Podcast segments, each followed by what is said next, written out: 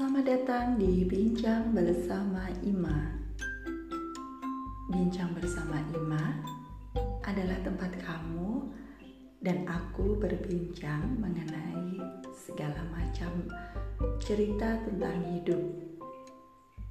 Sedih, suka, bersatu dalam sebuah perbincangan. Selamat datang di Bincang Bersama Ima. Semoga kalian menikmati setiap perbincangan kita.